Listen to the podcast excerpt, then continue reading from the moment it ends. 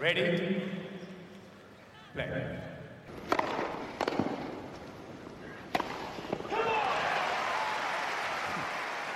Merhabalar. E, Farklı Kaydet'in sunduğu tenis podcast'i Inside Out'a hoş geldiniz. Bugün 14. bölümü kaydediyoruz. Ben Gökalp. Ben Anıl. Merhaba.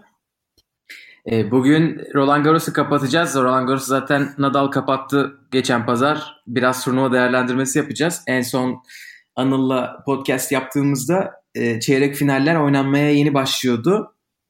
Şu anda şampiyon var iki tane. Bir tane e, Nur Topu gibi yeni bir Grand Slam şampiyonu. Bir tane de 11. defa kazanmış bir adam var. Onları konuşacağız. E, final maçlarını değerlendireceğiz. E, bir de kısaca toprak sezonunu kapatacağız bugün. Değerlendirme yapacağız. E, zeminle alakalı, e, sezonla alakalı. Ve e, bu pazartesi yani e, dünden önceki gün çim sezonu açıldı. E, çimle alakalı da kısa bir giriş yapacağız. Ondan sonra artık e, kapatacağız. Zaten sonraki podcast'te çimin daha da içine gireriz. Ama bugün toprak konuşacağız asıl. Hazır mıyız Anıl? Son derece. Şimdi biz Anıl'la Paris'teydik. Ee, böyle bir şansa eriştik geçen hafta sonu. Tam finaller hafta sonu. Onun için Paris'te ikinci hafta sonu hatta ilk pazarı sayarsak finaller hafta sonu diyelim. O atmosferi konuşalım istiyorum Anıl biraz. Sen e, Cuma gününden oradaydın yarı finaller olduğu zamandan itibaren. Evet. Onun için e, Cuma'yı biraz sana bırakacağım. Sonra paslaşırız Cumartesi Pazar için. Tamam. Ee, kısacası şöyle başlayayım. Gerçekten birinci yarı final Team Cekinato, Cekinato sürprizin olduğu bir yarı final e, maçıydı. İkincisi Nadal Del Potro devlerin kapışması olarak görülüyordu. E, hava bir kere süperdi. Roland Garros'da bu her yerden çok daha önemli. Çünkü hala üstü kapanan bir stat yapmama konusunda son derece muhafazakar bir e, Fransa açık yönetimi var. Ve fakir bir Yetmiyor paraları, yetmiyor. 36.2 milyon euro ödül dağıtıyorlar ama işte e, bir çatı efendime söyleyeyim. Yani. E, alanı ben bu hafta sonu ilk defa görme fırsatına eriştim. Dolayısıyla ufak tefek değişiklikler dikkatimi çekti ama gelen genel olarak e, gör, geçmişteki senelerden çok büyük bir değişiklik yoktu. E, sadece orta alandaki lounge kısmı e, geniş e, şey açılmış ve Perrier'e verilmiş. Koca bir alan sadece soda içelim diye tahsis edilmiş. Ne kadar gerekli tartışılır ama beni tatmin etmedi. Adamların reklamlarını beğendin mi peki? Çok iyi değil mi? Şey reklam demeyeyim de böyle her sandalye molasında pıs diye bir ses geliyor geçen böyle. senelerde de bilmiyorum senin dikkatini çekmedim. Geçen senelerde de aynısı vardı. O yeni bir şey değildi. Aynen. Ama e, yani evet insanın beynine kazanıyor o pıst sesi. Sen de şöyle bir suyunu içiyorsun sanki böyle maç oynuyormuşsun gibi. Sonra koyuyorsun Valla şişeyi önüne. sesi geldi mi ayağa kalkıp bir bacakları açıyorum uzun süre oturduğumda. Öyle bir şartlı refleks oldu Pavlov'un köpe- köpeği gibi. Ama e, maçlar gerçekten güzel geçti. İlk maç Team Cekinato maçına gelecek olursam gerçekten ilk iki sette güzel ve iyi bir çekişme yaşandı. Yani Cekinato ilk sette biraz başta şunu hissettirdi. Ya ben yarı finaldeyim ya ne oluyor falan diye hani olayı böyle çok daha heyecanın üzerine atamamış biriydi özellikle başlangıçta. Servislerine hep tutunmaya çalıştı ve e, bir anda ilk sette kafa kafaya giderlerken dengeli bir şekilde team tecrübesini konuşturup doğru zamanda atağa geçip Çekinato'nun servisinde kırdı ve göz açıp kapayıncaya kadar bir anda ne olduğunu anlamadan Çekinato set bitti. Ee, ikinci sette Evet. çok güzel gidiyordu gerçekten heyecanlı, güzel sayılar oynandı. Team'in servisleri çok kuvvetliydi. Forehandleri de çok güzeldi. Backhandleri de çok güzeldi. Gerçekten yani team çok oturaklı bir oyun oynadı. Aşamadığı bir nokta var. Basit hatalarında biraz e, zamanlaması manidar. Çünkü kritik yerlerde basit hata yapıyor. Hani istatistikler yok kafamda şu anda. Çok fazla basit hata yapıyor mu yapmıyor mu diye ama böyle kritik anlarda tak diyor böyle zor topları vuruyor. Tam bitirecek sayıyı pat dışarı atıyor. Bu da yapılır mı diyor insan. Ama e, tiebreak muazzamdı ikinci setin tiebreak'i. 6-3 team öndeydi. Ve Cekinato kendisinden beklenmeyecek bir dirayet gösterdi. Yani beklenmeyecek derken bir önceki turda Djokovic'e karşı e, son aldığı sette aslında bu konudaki kararlılığını gösterdi ama e, 6-3'te team iki kere servis attı ve 6-4 olduğunda filede boşa vole atacak pozisyondaydı. Yani topa ne yaparsa yapsın alacaktı sayıyı. Fakat o fileye takmayı tercih etti. Bir anda tekrar tiebreak'e denge geldi servislerle karşılıklı. 8-9, 9-9 o bir 8-9 oldu. 9-9 oldu. Bir anda Çekinato set sayısı yakaladı. Kendi de anlamadı. Ve gerçekten zor bir sayıdan sonra o puanı verdi. O puanı verdikten sonra da e, team gözünün yaşına bakmadı pat pat aldı seti ve sonra Çekinato dağıldı. Maç sonunda team de itiraf etti gerçekten evet. e, ikinci setin çok büyük bir kırılma olduğunu ve hakikaten de öyle oldu. O noktada şunu fark ediyor insan. Yani Çekinato buralara kadar geldi bu büyük bir başarı. Ama e, iyi tenisçiyi büyük tenisçiden e, büyük tenisçiyi iyi tenisçiden ayıran özellik olan maçı sonuna kadar bırakmama maalesef bu maçta onun gösterebildiği bir davranış değildi. Ve Peki biz e, Çekinato bir sıçradı, iki sıçradı, üçüncü sıçrayamadı diyebilir miyiz? Diyemeyiz. Ee, Niye çünkü... şimdi? Çekirgeye benzetmeye çalıştım arkadaşım. Yani eyvallah da sonuçta e, öyle dersek sanki bundan önceki maçlarını şansa kazanmış gibi bir yorum olabilir. Halbuki çok hak ederek geldi. Yani güzel oynayarak geldi. Çok yani üst üste çok zor adamları geçti. Hani bir seri başını bir günlük iyi performansla geçip basit bir kurayla yolunu yolu açıldı gibi bir durum olmadı yani. Goffen'i yendi, Carreño Busta'yı yendi, Djokovic'i yendi. Bunların hepsini arda arda yendi. Hani ciddiye alınacak bir e, fikstürü geçti. O yüzden evet. çok böyle şansa bağlamamak gerekiyor bence işi. Yok tamamen e, hani çekirge ile çekinato arasındaki bağlantıdan evet. bir şey yapmak istemiştim. E, sen çok ciddiye aldın bu işi.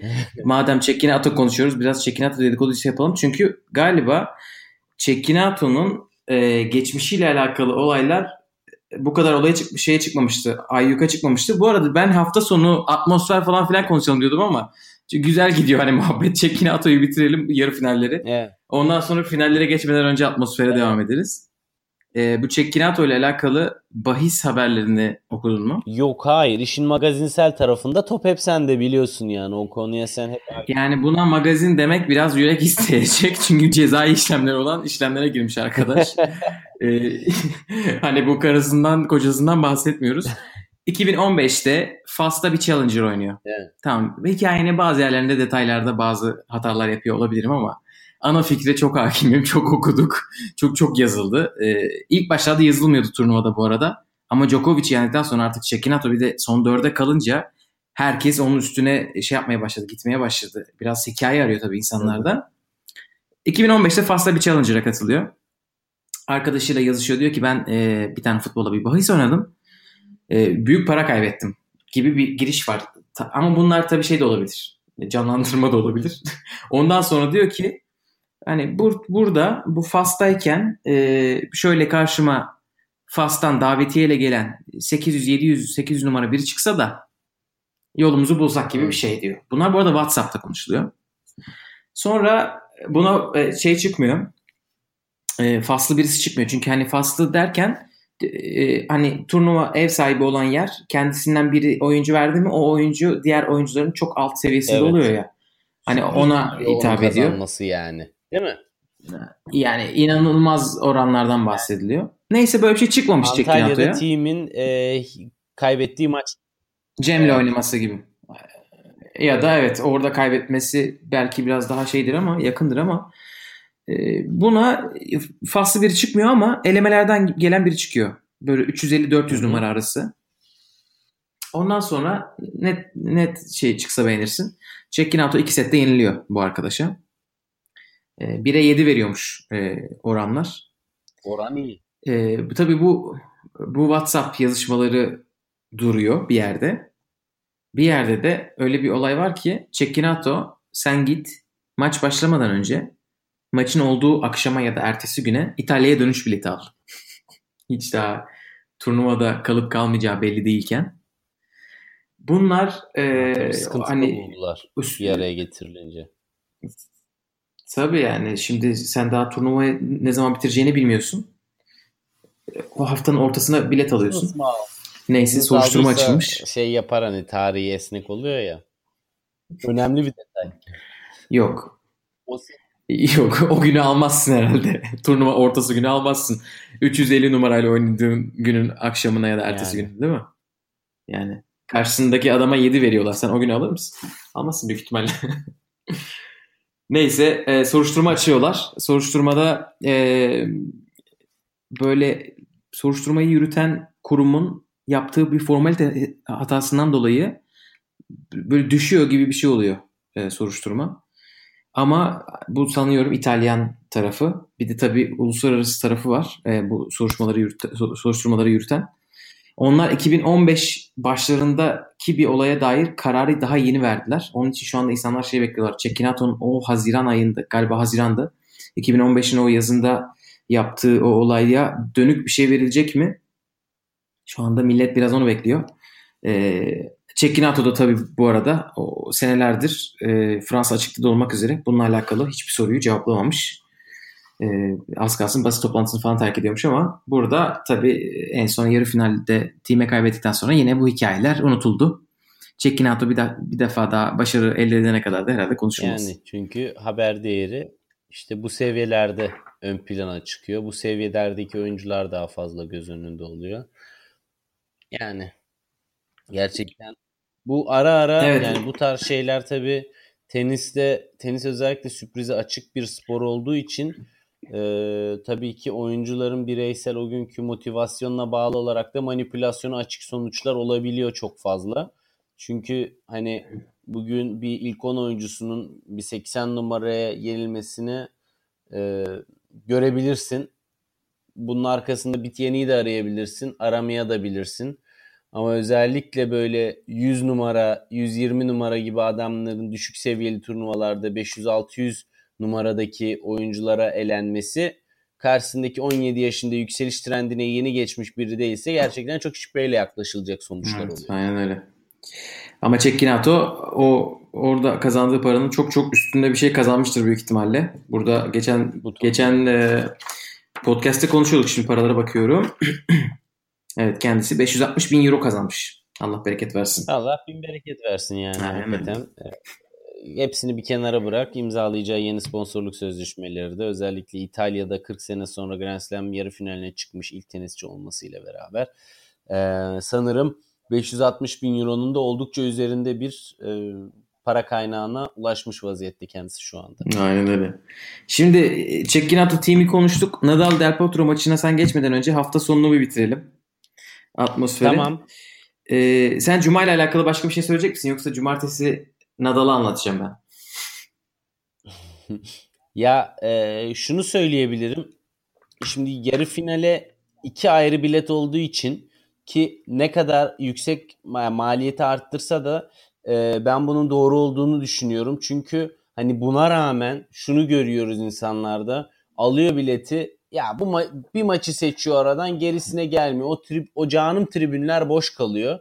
Ve hakikaten e, team Çekinato maçında da bunu çok e, dikkatli bir şekilde gözlemledim. Büyük bir çoğunluk e, boştu ve benim civarımda oturanlardan da maçın böyle bir iki game izleyip de sonra çekip giden adamlar vardı ve bunların birçoğu Nadal Del Potro maçını beklemeye geçmiş kişilerdi. Hani ben yarı final seviyesinde Philip Chatrier'de bu kadar boşluk olmasını biraz üzücü buluyorum. Ama onun dışında alan çok kalabalıktı. Gerçekten çok kalabalıktı ki dışarıda görecek çok da fazla bir şey kalmamıştı cuma günü hani antrenman, oyuncu vesaire olarak. Ee, ama yani e, çok güzel bir ilgi vardı, yoğun bir ilgi vardı. Şimdi dışarıya ben, biraz anlatalım açıkçası hani antrenman oyuncu kalmadı diyoruz ama e, turnuva çok güzel şeyler yapıyor. Organizasyonlar yapıyor. Evet, yani dışarıda izlenebilecek şeyler hani benim de dinleneyim vesaire diye gidip gördüğüm şeyler ek maçlar çok keyifli oluyor. Mesela tekerlekli sandalye maçları izledim. Çok değişik bir heyecan. Ondan sonra e, gençlerin maçları var. Juniorlar, boys, girls. Onun haricinde yeme içme yerleri çok zengin. Ve e, Roland Garros'da RG Lab diye bir olay var. İşte Gökalp'le de tecrübe etme fırsatını bulduk. E, normalin 5 katı büyüklükte raketlerle tenis oynamaya çalıştık. Padel diye bir e, raket sporu türü var. Onu oynamaya çalıştık. Böyle hafif squash tenis arası değişik bir şey çok keyifli. Yani Sen Legends turnuvası maçı izledin mi hiç? Legends turnuvası maçı izleyemedim. Çünkü ben e, Team Chekinato'dayken Legends maçları oynanıyordu. Dolayısıyla göremedim ama çok güzel maçlar vardı. Filiposis, James Blake, Sebastian Grosjean gibi e, yakın tarihe kadar özellikle 90'lara gerçekten bizim neslin izleyerek büyüdüğü tenisçileri böyle e, birebir yakından izleme fırsatınız oluyor. Bu gerçekten çok güzel bir şey. O açıdan evet, ben oraya değinmek istiyorum biraz. Yaşamak, hissetmek ve tenisi tarihi derecede e, ileriye taşıyan sporcuları o atmosferde her köşe başında görebiliyorsunuz. Yani yürüyordum mesela işte Nikola Mahü televizyona röportaj veriyor. Dibimde yani hakikaten yanağından makas alayım desem alabilecek mesafedeyim. Hani yani böyle bir genel bir atmosfer hani Grand Slam'in genel olayı o. Bütün tenis camiası orada. Ve orada efsaneler de var. Ünlüler de var. Yani fotoğrafları paylaşanlardan görüyorsun. Şimdi futbolculardan Drogba, Gomis e, vesaire gibi Karim Benzema gibi topçular bu turnuvaya geliyorlar. Yani iyi kötü bir yere Fransa ile ilişki olmuş birçok insan bu turnuvanın Fransa'daki öneminin de ne kadar büyük olduğunu gösterir şekilde o hafta sonu muhakkak gibi uğruyorlar ve dolayısıyla bu alanda çok fazla insan ve e, e, önemli insan görme fırsatı oluyor ve ortam hakikaten çok güzel. Yani e, olayın geneline değinecek olursak 25 euro gibi para veriyorsunuz ve orada bütün gün dilediğinizce vakit geçiriyorsunuz. Tamam eyvallah yeme içme belki çok çok uygun değil ama dışarıdan getirmek için kumanyanızı, sandviçinizi falan hiçbir şekilde hiçbir sorun yok. Ee, mesela Tropicana oraya stand açmış. İstediğiniz kadar bedava içecek için. Hani böyle şeyler de var. Ee, yani gerçekten çok ben, keyifli bir evet, atmosfer.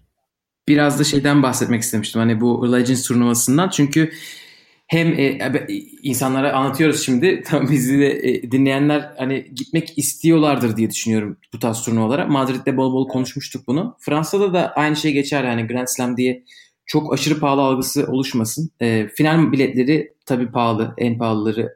Onlar hani diğer turnuvalara göre çok fark yok bu arada. Ama e, yapılabilecek en güzel şeylerden birisi hem ilk hafta sonu hem de ikinci hafta sonu için bu dış kortlar biletlerini almak. 15 Euro'dan başlıyor. Ee, sanırım 20 Euro'ydu yarı final günü. 25-30 diye devam etti. Bu dış kortlar biletlerinin içinde Anıl'ın anlattığı bütün o tekerlekli sandalye junior maçları oluyor. Onun dışında Legends turnuvası hani bu 45-50 yaşında insanları izlemek ne kadar zevk verebilir diyebilirsiniz ama çok güzel nostalji ortamı yaratıyorlar. Ee, biz e, final maçlarından önce pazar günü de cumartesi günü de izledik. Özellikle ben İspanyollarla gittiğim için onlar Juan Carlos Ferrero'yu görmeden et, etmeyeceğiz dediler.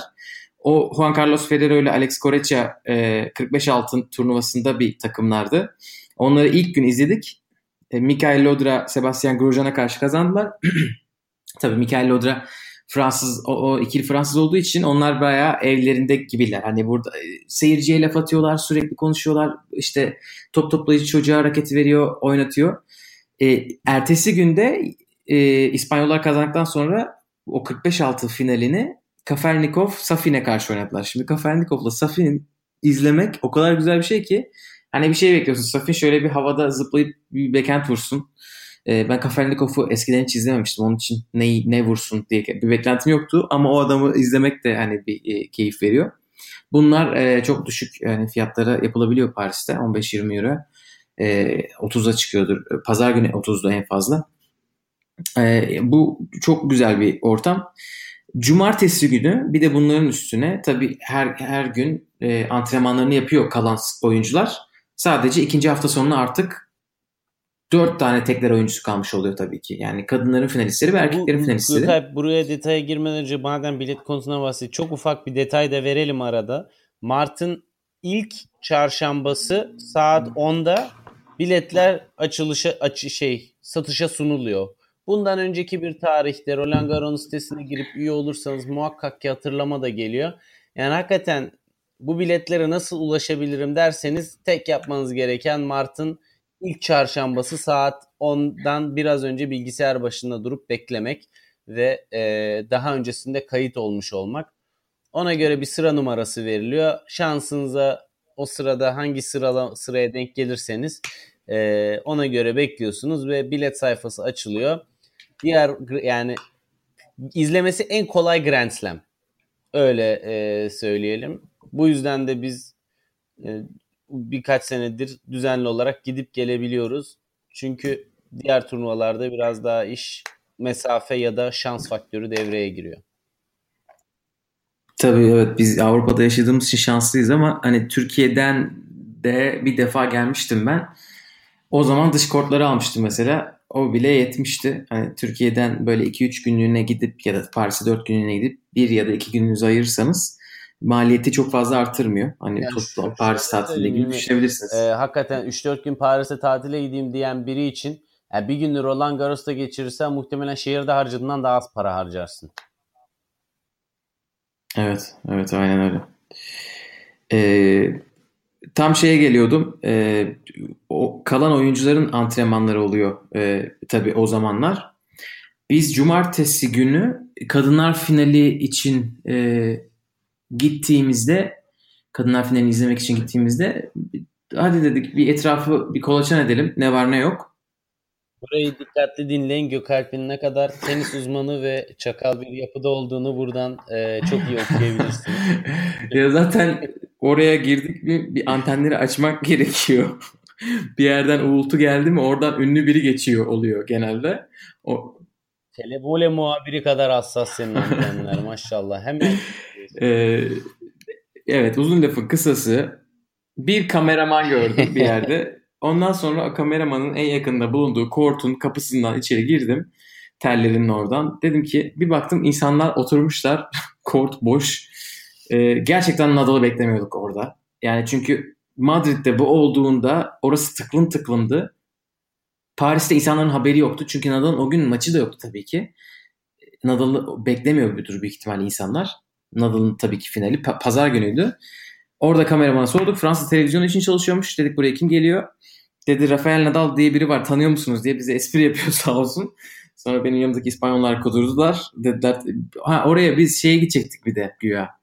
John McEnroe izlemeye falan gidecektik. McEnroe'yu attık bir kenara.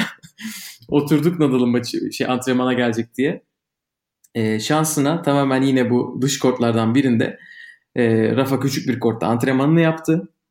E, yani orada Carlos Moya bile haber değeri taşıyabilir hani iz, eskiden izlemiş olanlar için. Carlos Moya e, Rafa'nın tabii antrenörü ve normalde bu seviyedeki oyuncular başkalarıyla daha böyle kendi yaşlarındaki insanlarla e, practice hani antrenman yapmalarına rağmen Rafa Carlos Moya ile yapıyor. Moya da bayağı iyi oynuyor yani bayağı fit durumda. Ha, onu diyecektim ya Moya'yı da hafife almamak lazım. Hani Moya'dan daha fit şu an tenisi bırakanlar arasındaki yakın geçmişte diyebileceğimiz hakikaten Tommy Haas var herhalde ona en yakın örnek. Bir de işte Lubicic de biraz herhalde o seviyelerde değerlendirilebilecek bir e, eski tenisçi yeni hoca. Evet 41 yaşındaymış Moya şimdi bakıyorum. Hani e, tenisi bırakalı çok oldu ama Rafa onu bayağı şey yapıyor. Fit tutuyor. Takım bu arada tamdı. Hani bir iki kişi falan bekliyorduk biz. Bir fizyosunu bir de e, koçunu. Bir baktık e, adamlar geliyor böyle sıra sıra. Sonra benim yanındaki arkadaşlar e, suratlarına bakıp hani internetten araştırıp şey yaptılar. Kim olduklarını buldular. E, doktoru vardı. Doktoru olunca hatta onlar şaşırdılar. Dediler e, doktor ne yapıyor burada sakat falan mı acaba? Ya dedim Fransa açık finalinin antrenmanını yapıyor. Belki ne olur ne olmaz diye getirmiştir. PR'cısı vardı orada kortun içinde.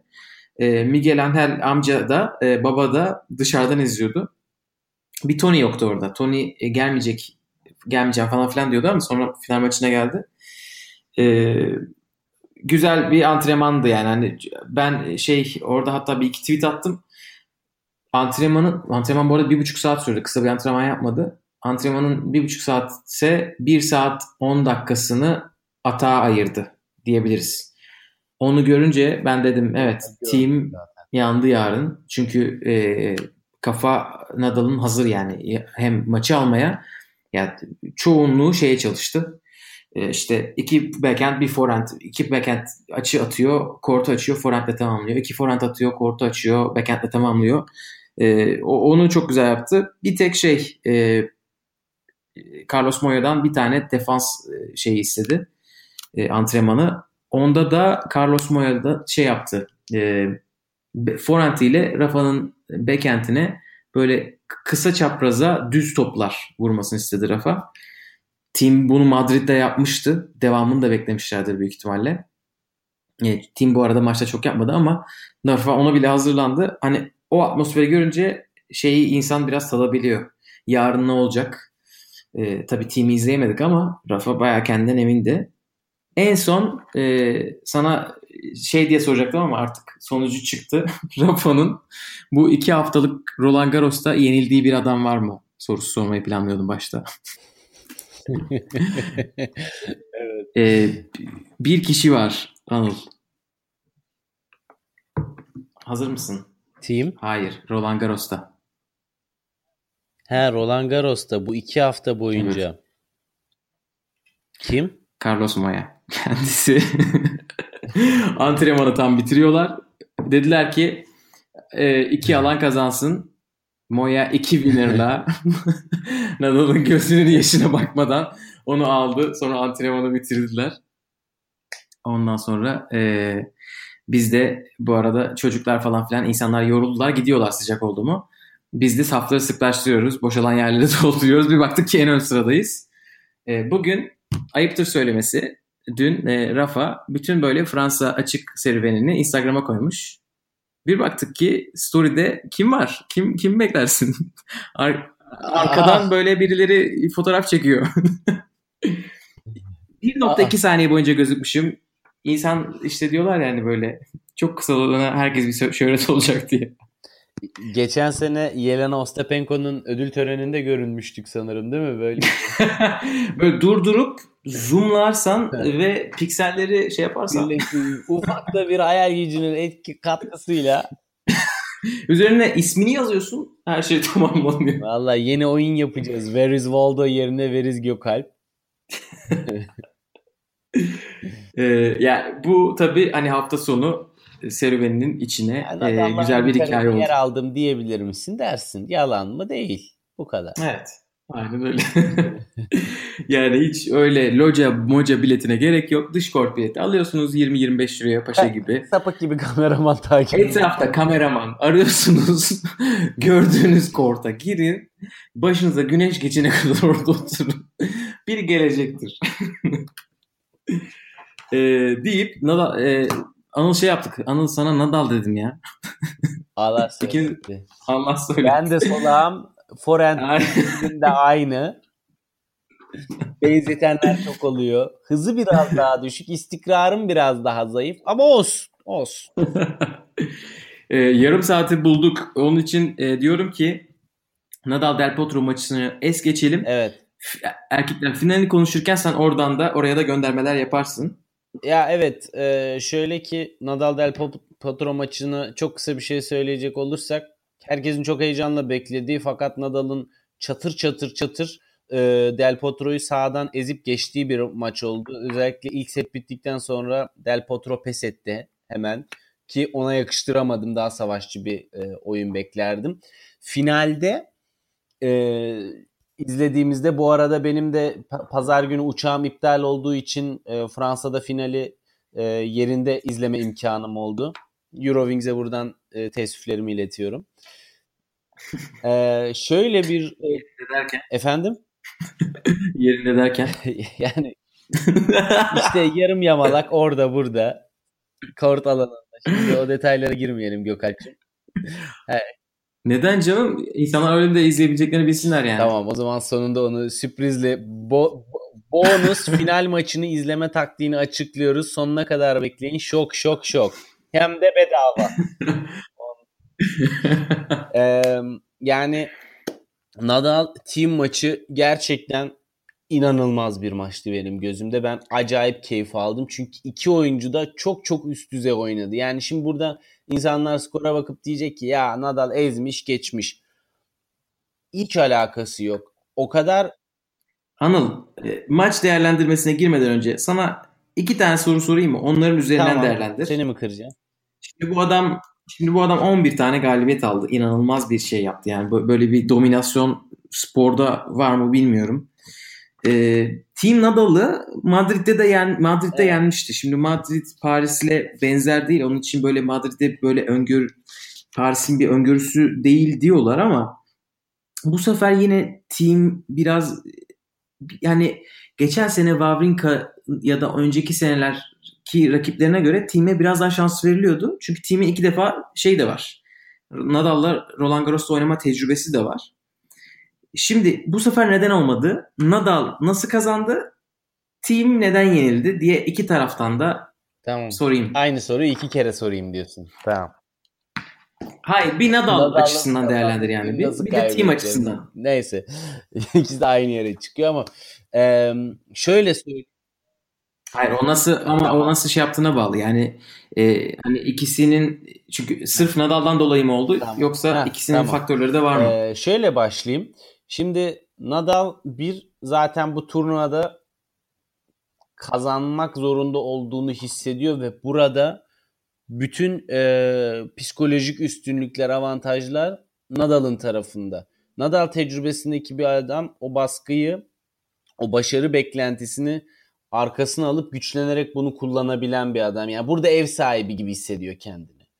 Ve e, Nadal'ın çok çok çok doğru yaptığı ve iyi yaptığı bir şey vardı e, bu maçta. Hiç acaba şöyle mi yapsam, karşı tarafa göre oynayayım vesaire tarzı bir şeyi olmadı. Bir duvar gibiydi. Vurulan her top geri geldi. Bam vuruyorsun geri geliyor. Bam vuruyorsun geri geliyor. Uzun uzun ralliler, uzun uzun mücadeleler ve bu mücadelelerin büyük bir çoğunluğunda bütün zor sayılarda gülen taraf Nadal oldu ve işin en kilit noktası da burasıydı. E, maçın başında Nadal ilk servisi kırdığında aa bismillah da bayram değil seyran değil buna kadar hızlı bir break oldu derken team geri kırdı ve dedi ki ben öyle kolay kolay pes etmem dedi. Yani e, burada biraz iki tarafı değerlendirirken gidip geleceğim. Team e, baştan şunu demişti. Çok olumlu ve doğru olarak. Ne olursa olsun son puana kadar mücadele, mücadelemi devam ettireceğim e, demiş ve bunu sonuna kadar da hissettirdi. E, çok güzel, çok keyifli, inanılmaz ralliler izledik ve e, Nadal'ın gerçekten daha kuvvetli bir servisi vardı. Hani bu sadece hız olarak değil, karşı tarafı daha çok daha zor duruma düşüren servisleri vardı ve biraz daha servis oyununda avantajlıydı. Team biraz daha servis oyunlarında zorlandı. Bu team'in servisinin zayıflığından ziyade istikrarsızlığının bir sıkıntısıydı ve bu da onu servis oyununda çok zordu ve çok zorladı ve aynı zamanda da psikolojik olarak hep e, aman servisimi kırarsam kırama geri kıramam artık gibisinden bir psikolojiye girmesine sebep oldu maçın başında kırdığı halde. Yani ben genel olarak değerlendirmek gerekirse şöyle değerlendireceğim final maçını. Çok üst düzey bir maçtı. 3-0 bitti ama uzun sürdü. Team çok fazla oyun alamadı ama uzun sürdü. Oynanan oyunlar uzun sürdü ve mücadele son saniyeye kadar devam etti. Burada Nadal'ın en büyük avantajı her şeyden ötesi tecrübesi ve burada inanılmaz bir şekilde kendini evinde hissetmesi ve gerçekten de bütün zor anlarda o yılların getirdiği mental gücü ve odaklanma kabiliyetiyle sayının sonunu team'e göre daha iyi getirebilmesi. Yoksa team de çok muazzam sayılar kazandı. Gerçekten zor puanlar kazandı. Ve aynı zamanda da çok çok çok güzel e, sayılar bize izletti. Yani ben final maçından acayip keyif aldım. Hani biliyorsun geçen sene Nadal Wawrinka maçını izledik. Hani bunlar senin cümlelerin. Allah 2 2 saat izlettir bize yeter Wawrinka diyordun. Hani o kadar e, İsviçre vatandaşı Wawrinka'dan umudunu kesmiştin finalde.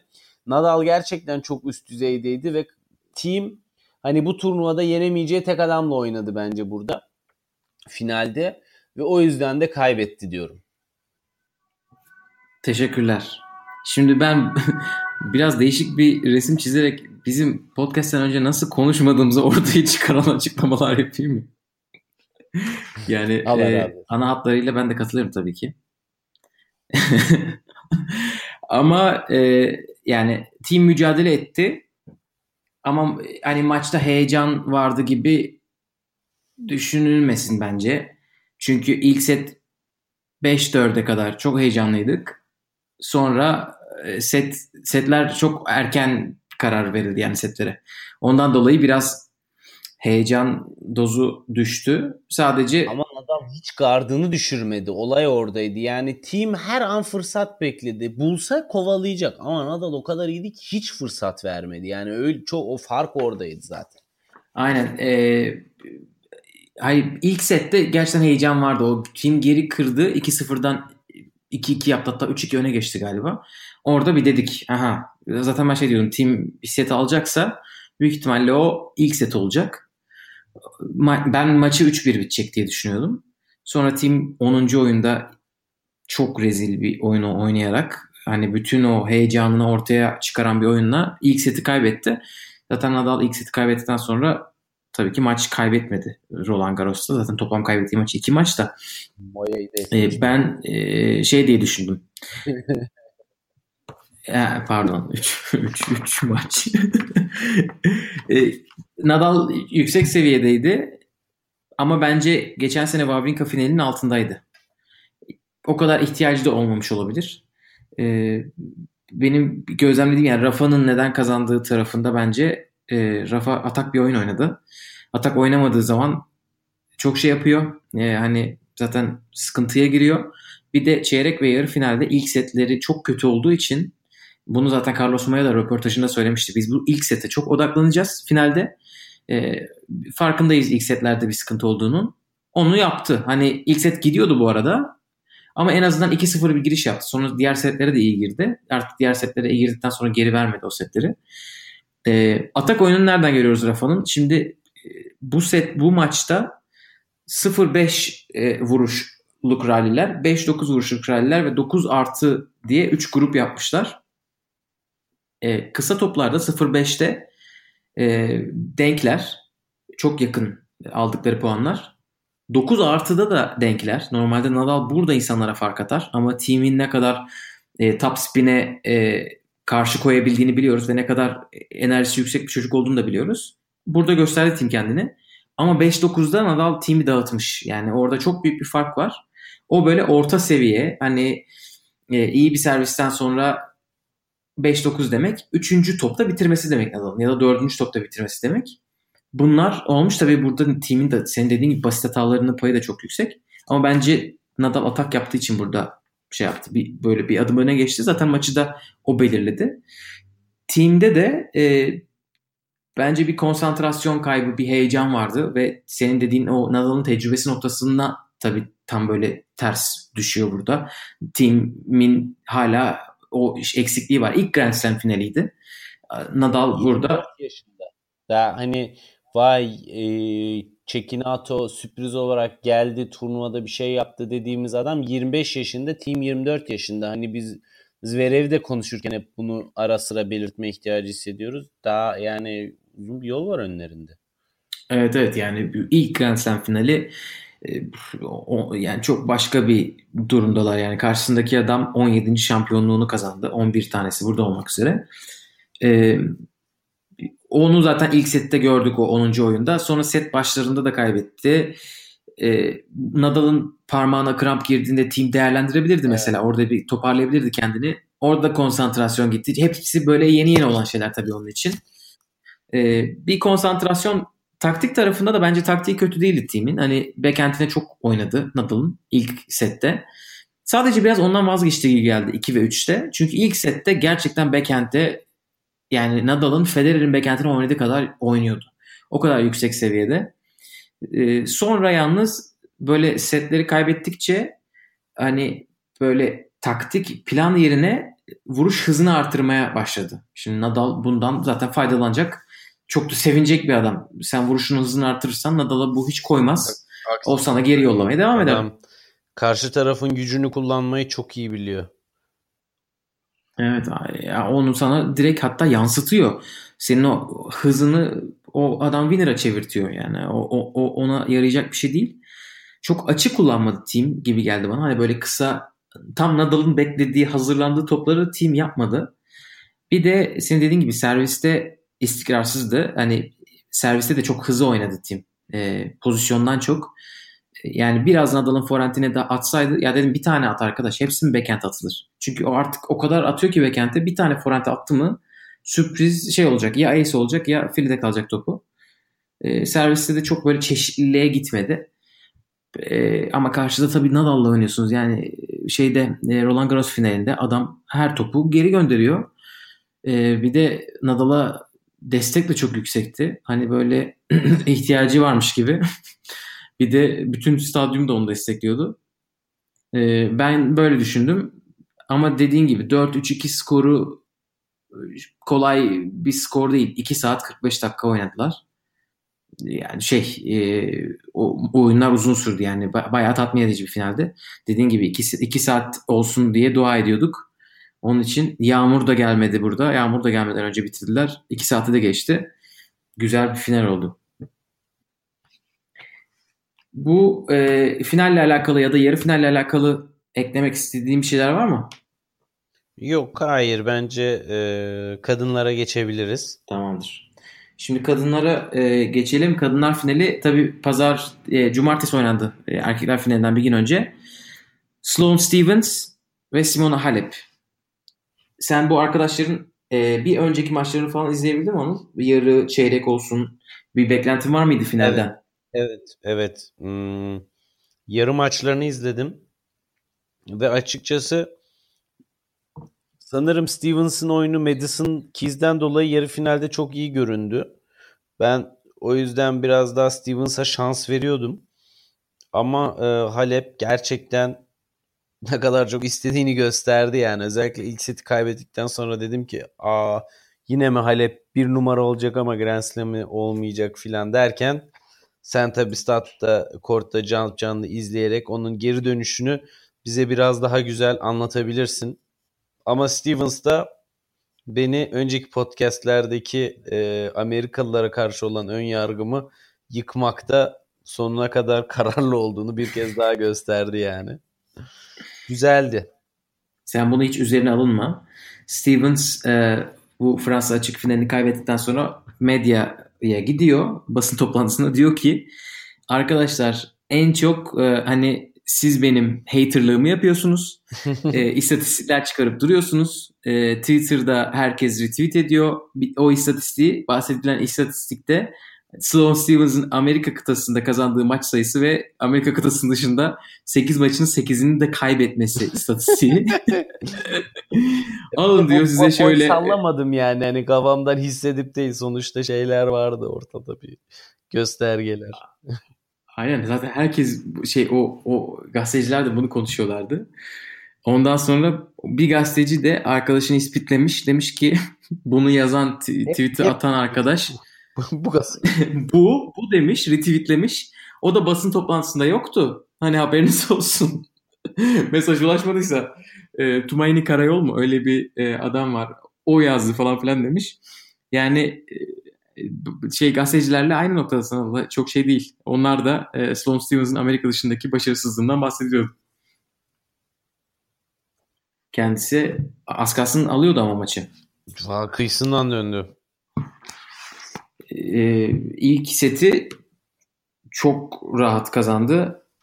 Ee, bu arada yani stadyumda öyle bir atmosfer vardı ki hani Nadal'a verilen desteğin iki katı gibi düşünülebilir. Televizyona zaten yansımıştır. Sürekli şey Simona tezahüratı oluyor.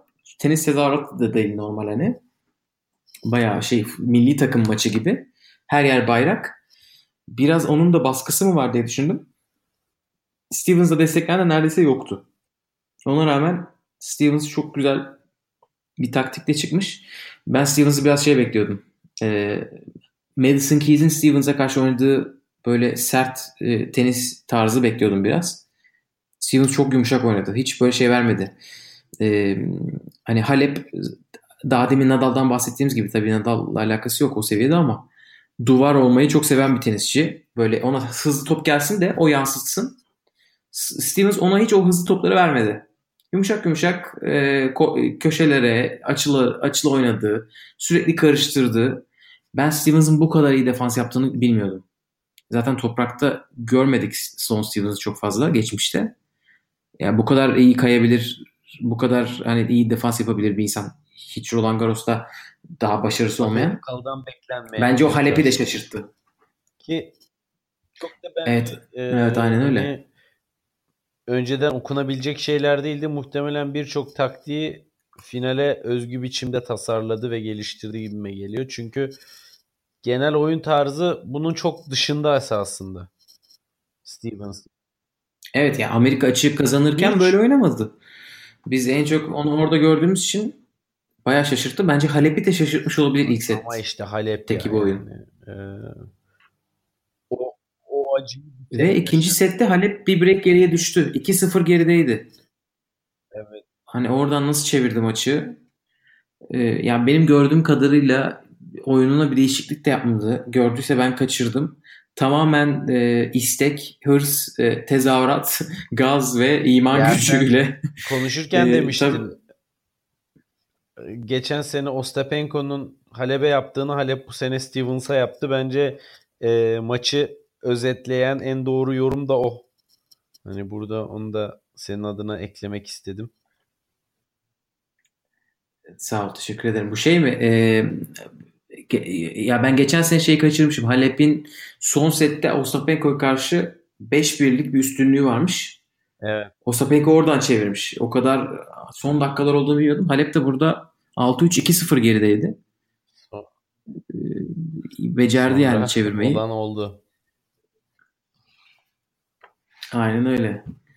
Ee, Sloane Stevens'ı şeyde merak ediyorum. Çim sezonunda merak ediyorum. Çünkü topraktan çok bu tarz ortamlara uygun bir tenisi var. Bakalım. Valla ben yer miyeceğim Stevens'ı demeyeceğim. Yani bu kızın bugüne kadar çimde bir şeyini göremedik diye. yani her an rezil etmeye müsait. Ancak tabii sürpriz Grand Slam sonuçları alan oyuncular bir sonraki Grand Slam'de tersi bir sürprizde yapabiliyorlar genelde. Bunu da eklemeden geçemeyeceğim. Evet çok istikrarlı değiller. Ama ilk defa böyle kadınlar tenisinde uzun zamandır güzel bir sıralama var. Böyle istikrar, efendim şampiyonluklar. Bir numara Halep, iki Wozniacki, üç Muguruza, dört Stevens. Bunlar zaten son dört slam'i kazananlar.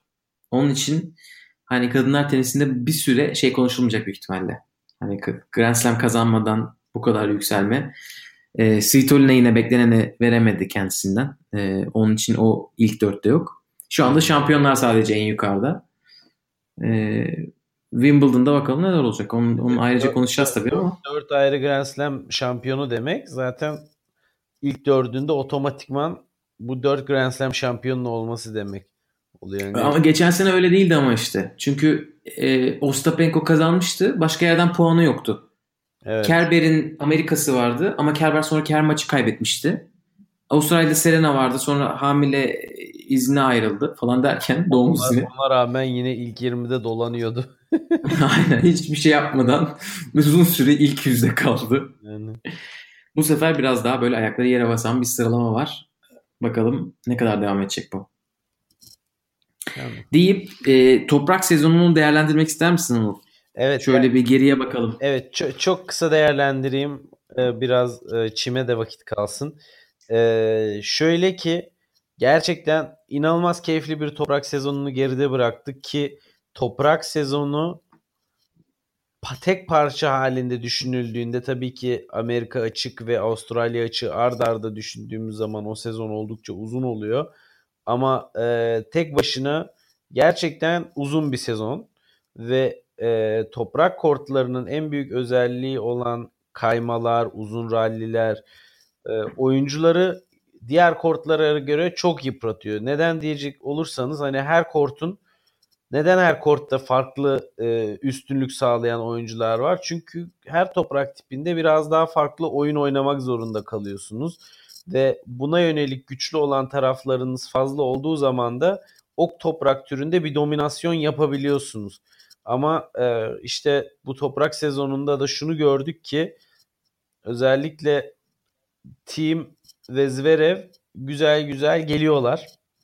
iyice artık toprakta en azından bu seviyede e, en önlerde favoriler arasında kendilerine her zaman yer bulabilecek gibi görünüyorlar.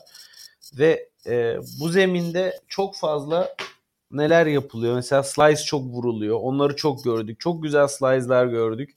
E, top tabii toprak zeminde sürtünmeden dolayı daha daha çok yere yapıştığı için e, bu tarz hareketler daha fileye çek karşı tarafa yönelik kısa toplar fileye adamı çekip ondan sonra arkasına lob atma çabaları vesaire bunları çok sık görebiliyoruz ve bu da tabii ki özellikle kort daha yavaş olduğu için karşı tarafında cevap vermesiyle e, uzun sayılara ve keyifli rallilere sebebiyet veriyor.